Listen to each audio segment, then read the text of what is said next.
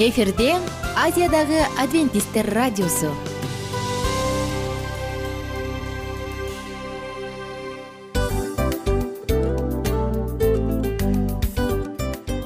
Достор салют. Баардык сүйүктүү угармандарыбызга салам айтабыз. Кутман күнүңүздөр менен.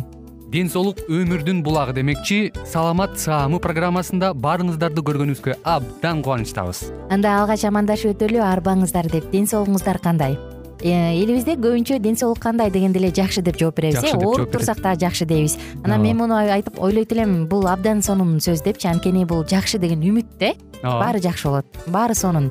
Деп үмүттөнүп атып эле өзүбүздү өзүбүз дарылап коебуз.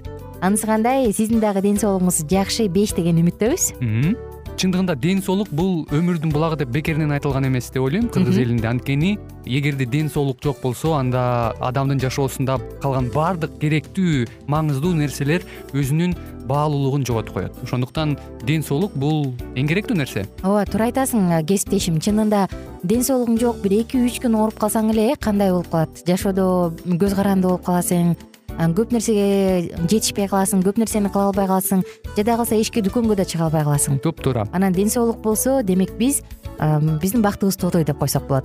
Анда достор саламат саамы рубрикабызды баштайлы. Алдыда өзүңүзгө керектүү болгон сонун кеңештерди уга аласыздар. Мына ошондуктан биз менен бирге болуңуздар. Ал эми биз болсо милан жана айнура. Кеттик алга. Алга саламат саама ден соолуктун жарчысы. Саламат саама ден соолуктун ачкычы. Күн сайын сиз үчүн мыкты кеңештер сонун жаңылыктар кызыктуу фактылар биздин рубрикада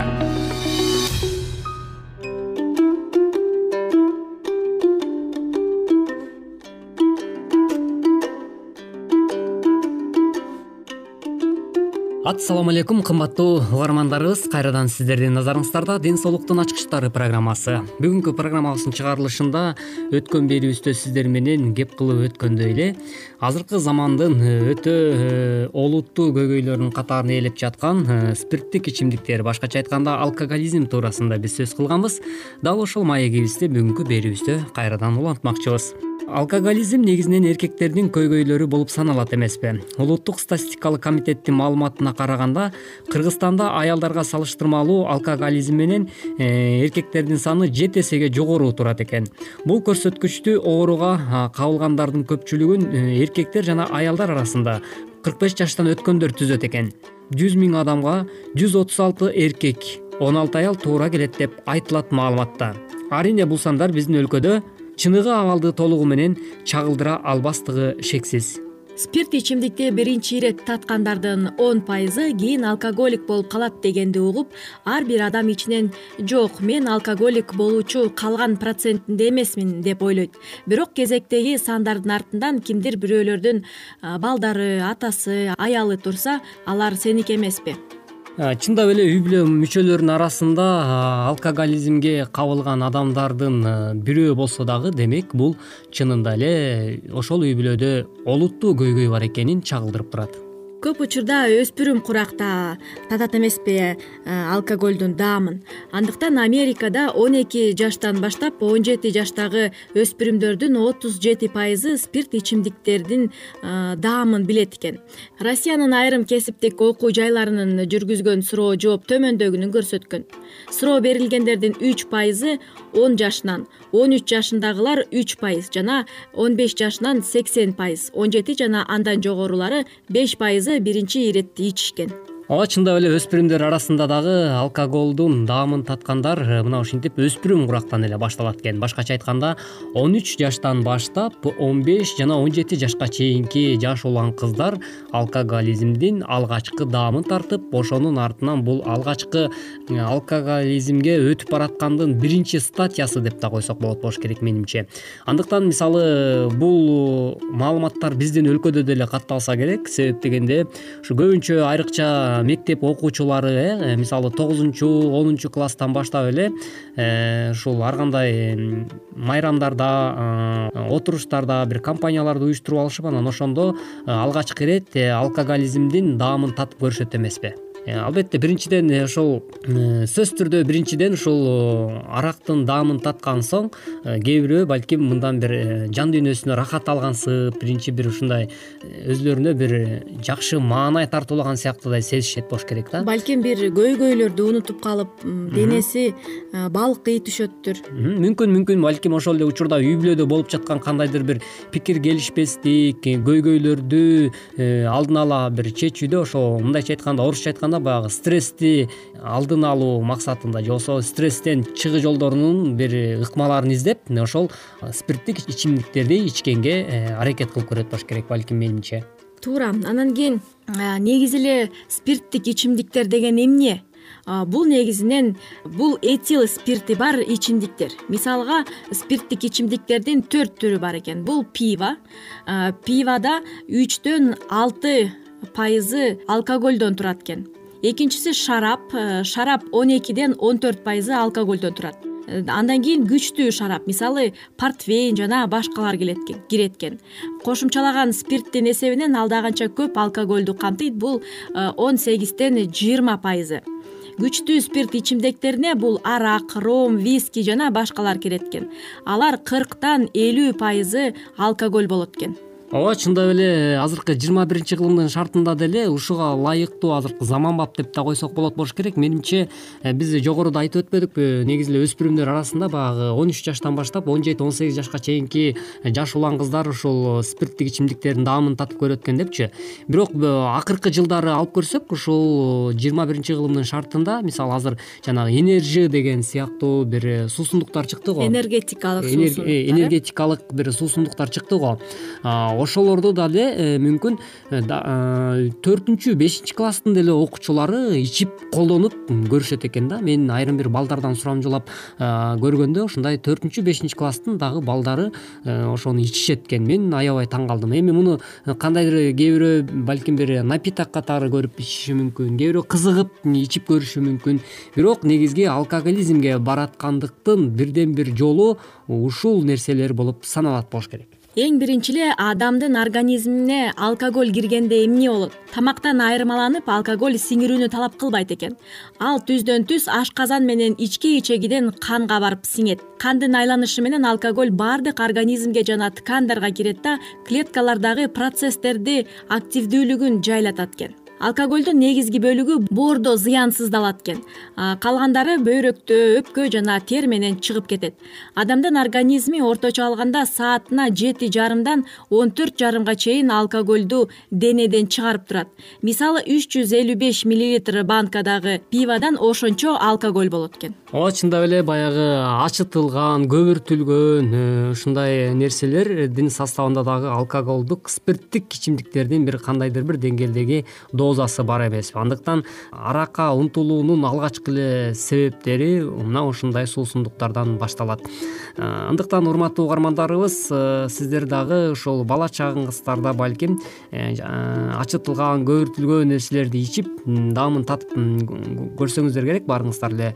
Ошондон баштап эле адамдын организми өзү ушундай кычкылтекти башкача айтканда ошо адамды мас кыла турчу акыл аң сезимин мастык менен дагы ала турчу э, нерселерге мындай э, өзү жөндөмдүү болуп анан түртүп баштайт экен да. Эмнегедир э, бир жолу ичкен сайын кийинкисинде дагы кайталап кайталап ичкенге адамдын өзүнүн эле табияты башкача айтканда организми буга жөндөмдүү болот экен алкоголь адамдын организмине кандай таасир этет? Алкоголь биринчиден эле мээнин иштешине залал келтирет жана анын кан менен жабдылышын өсүшүн бузат. Ал эми урматтуу угармандарыбыз э, сиздер бүгүнкү программабыздын чыгарылышында дагы ушул алкоголдук ичимдиктердин э, адамдын ден соолугуна тийгизип жаткан терс жактары туурасында дагы кеңештерге орток болдуңуздар. Э, ушуну менен бизге бөлүнгөн убактыбыз да өз соңуна келип жетип калыптыр. Кийинки программадан кезишкенче сак саламатта калыңыз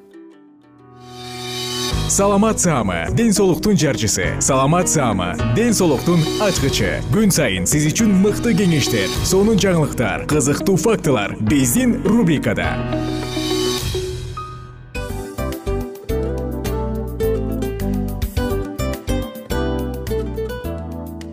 Салют замандаштар баарыңыздарга ысык салам дил маек программабызга кош келиңиздер.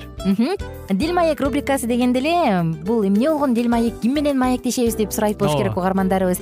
Бул рубриканы кыскача тааныштыра кетип турган болсок ар тарап кесип ээлеринен болгон сонун интервью кеңештер бар жылдыздар менен болгон маек бар аталарыбыздын агаларыбыздын чоң аталарыбыздан сонун кеңештер бар ошондой эле эже сиңдилердин кеңештери бар. Айтор баардык кызыктардын баары алдыда негизи эле адам баласы бир кимдир бирөөнө ишенип сырын ачкысы келет эмеспи э мындай баарлашууга жакын келебиз го. Албетте.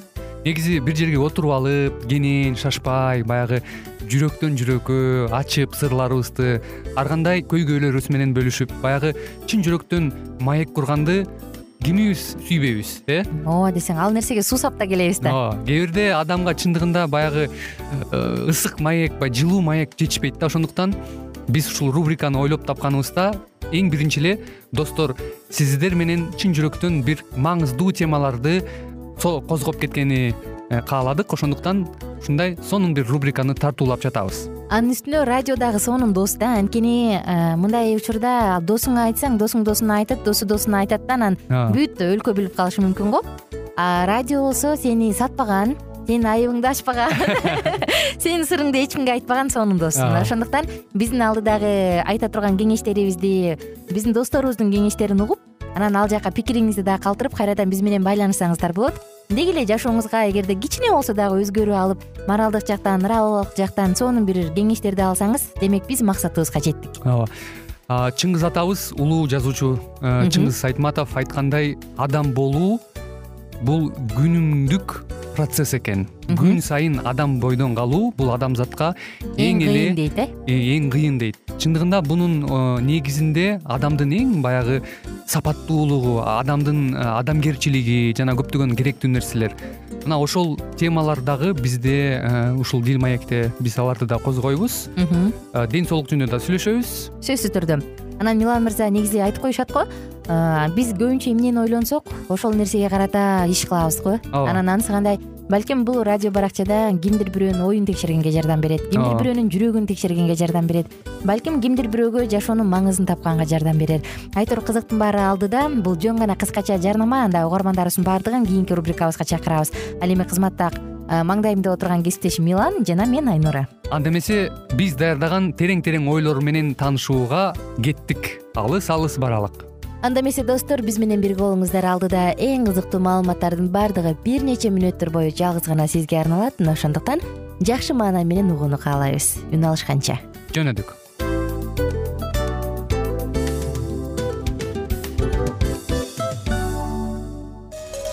ар түрдүү ардактуу кесип ээлеринен алтын сөздөр жүрөк ачышкан сыр чачышкан сонун маек дил маек рубрикасында.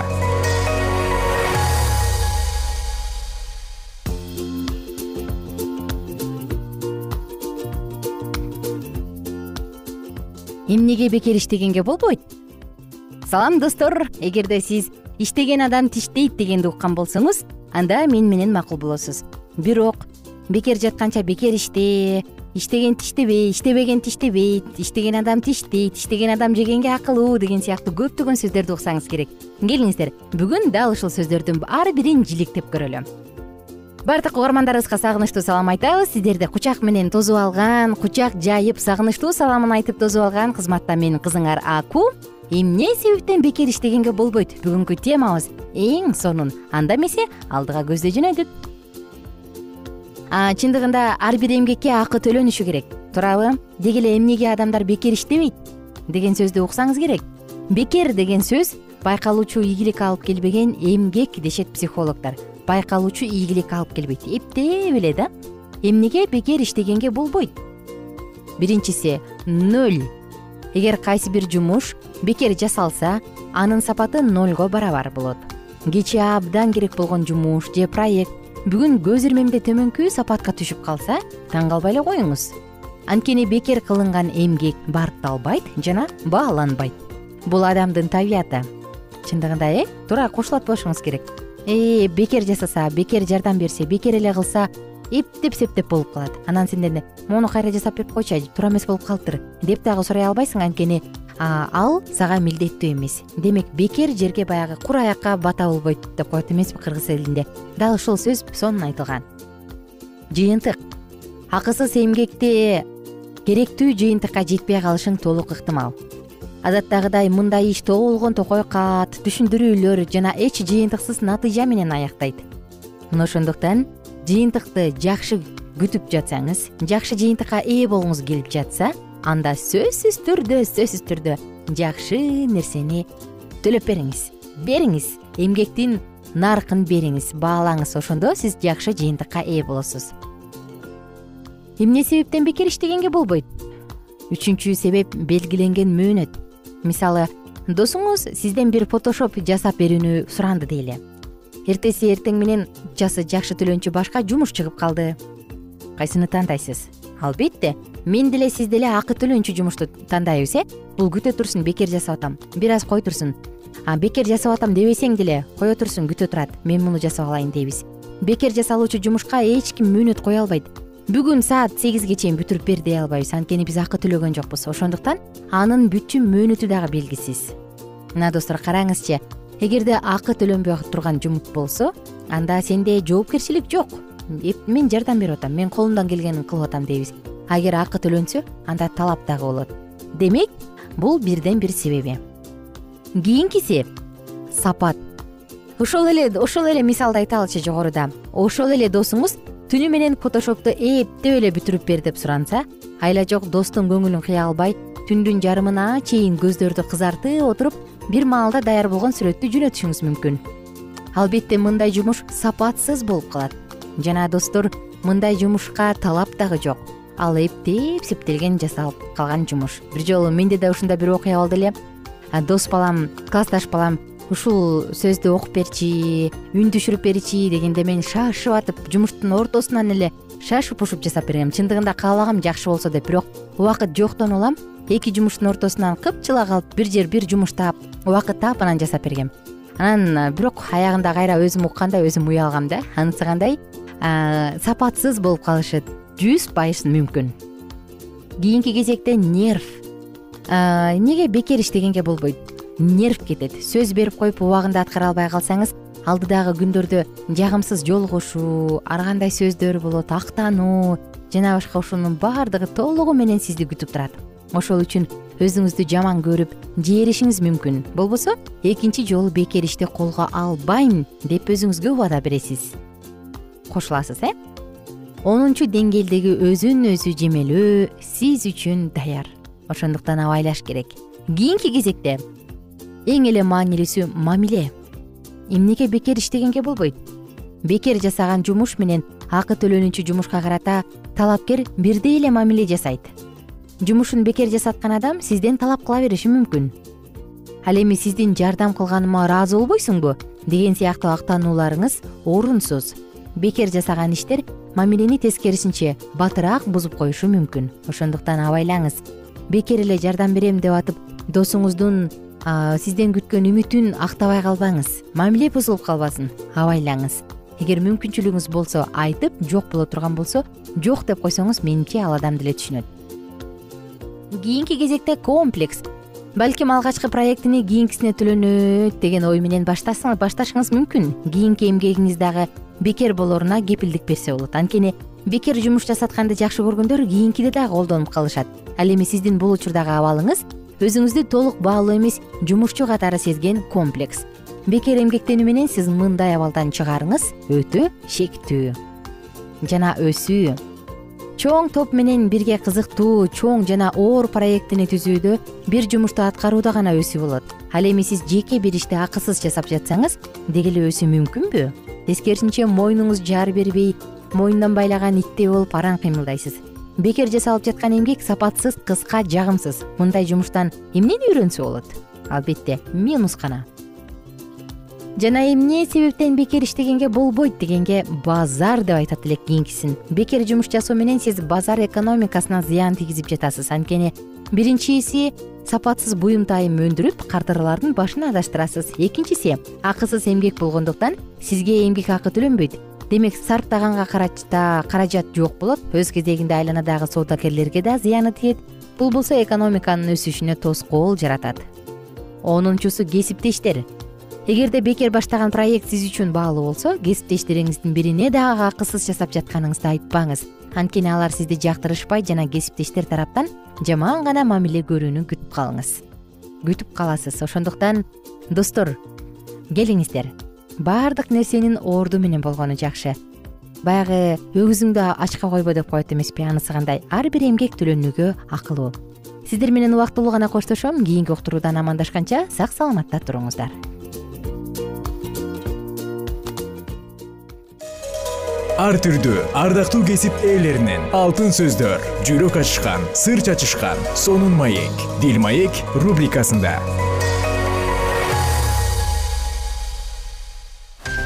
Жан дүйнөңдү байыткан жүрөгүңдү азыктанткан жашооңо маңыз тартуулаган жан азык рубрикасы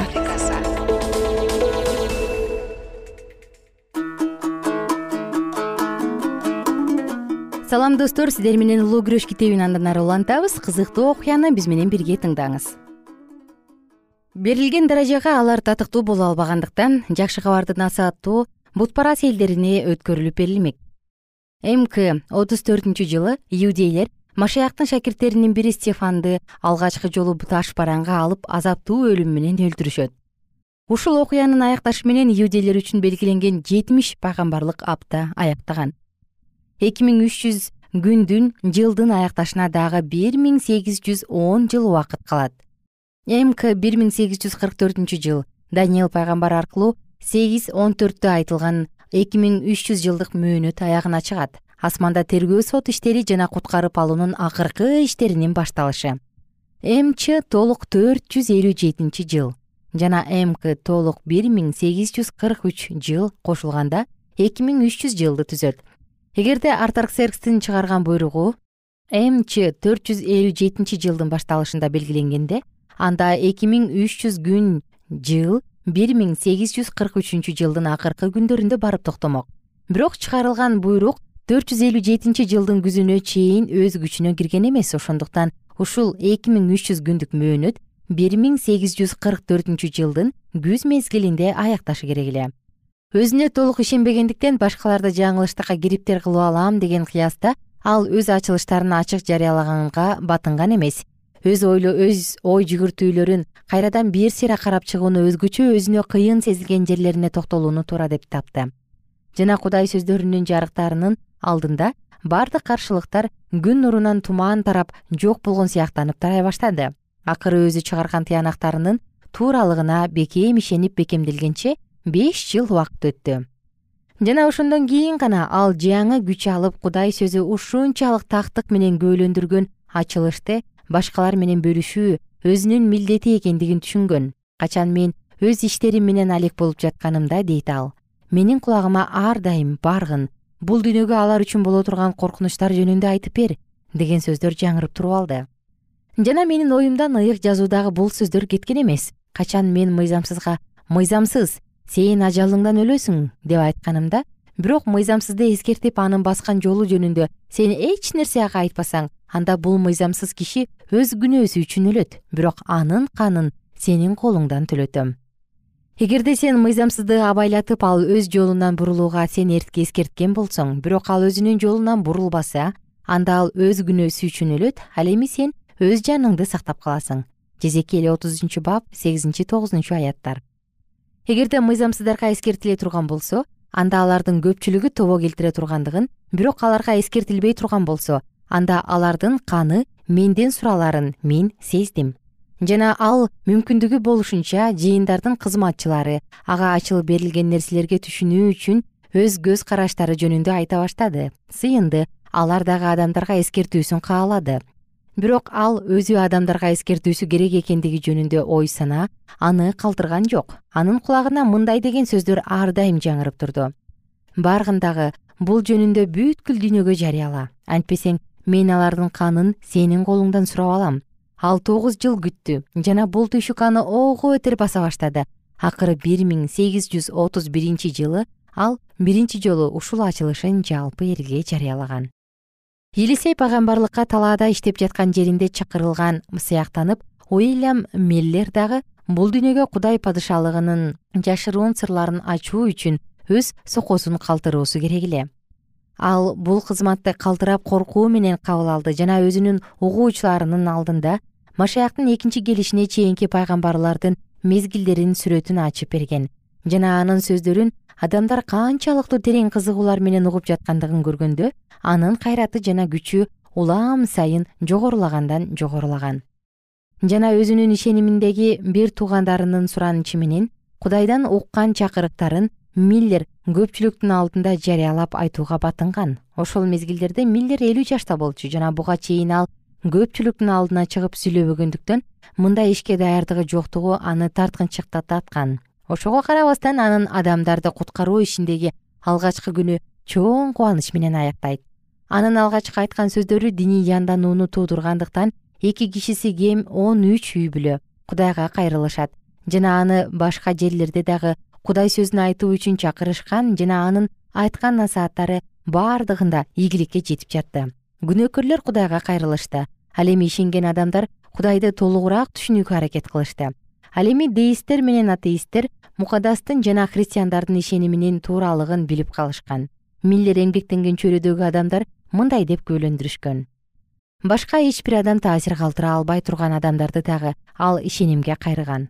Анын насааттары коомчулуктун көңүлүн диний улуу чындыктарга буруу үчүн арналган жана ошол кездеги элдерге сүңгүп кеткен сезимдердин кумарларынан токтоткон ал насаат айткан ар бир шаарларда ондогон жана жүздөгөн адамдар кудайга кайрылып жатышты. Көп жерлерде бардык протестант жыйындары өз меймандостугу менен эшиктерин ачышкан жана ал бир канча ар тараптуу жыйындарда насаат айтууга мүмкүнчүлүк алган анын бузулгус эрежеси болуп чакырган жерлерде гана насаат айтуу болуп саналган. Бирок көп убакыт өтпөстөн эле анын чакырган жерлерге дагы насаат айтууга убакыты жетпей калды. Көпчүлүк адамдар анын машаяктын экинчи келиши жөнүндөгү убакытты так койгондугун туура көрүшпөсө дагы ал күндүн жакын калгандыгына ишенишкен ошондуктан даярдануу керектигин зарылдыгын билишкен. Кээ бир чоң шаарларда анын жасаган иштери коомчулукка өзүнүн өтө чоң таасирин калтырган. Шарап саткандар өз дүкөндөрүн жабышып жана алардын бөлмөлөрү сыйына турган жайларга айланды. Кумар үйлөрү жабылды. Деисттердин универсалисттердин атеисттердин жана өтө бузулган адамдардын жашоосу өзгөрүлгөн. Болбосо алардын көпчүлүктөрү көп жылдар жыйындарга барышкан эмес.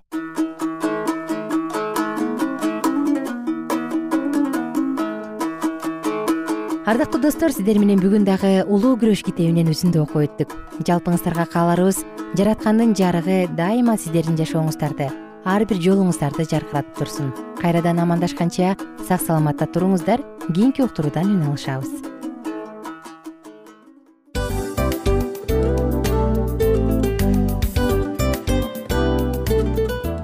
достор биздин радио баракчаларыбыз соңуна келди. Демек бул программабызды дагы жыйынтыктаочу учур келдик.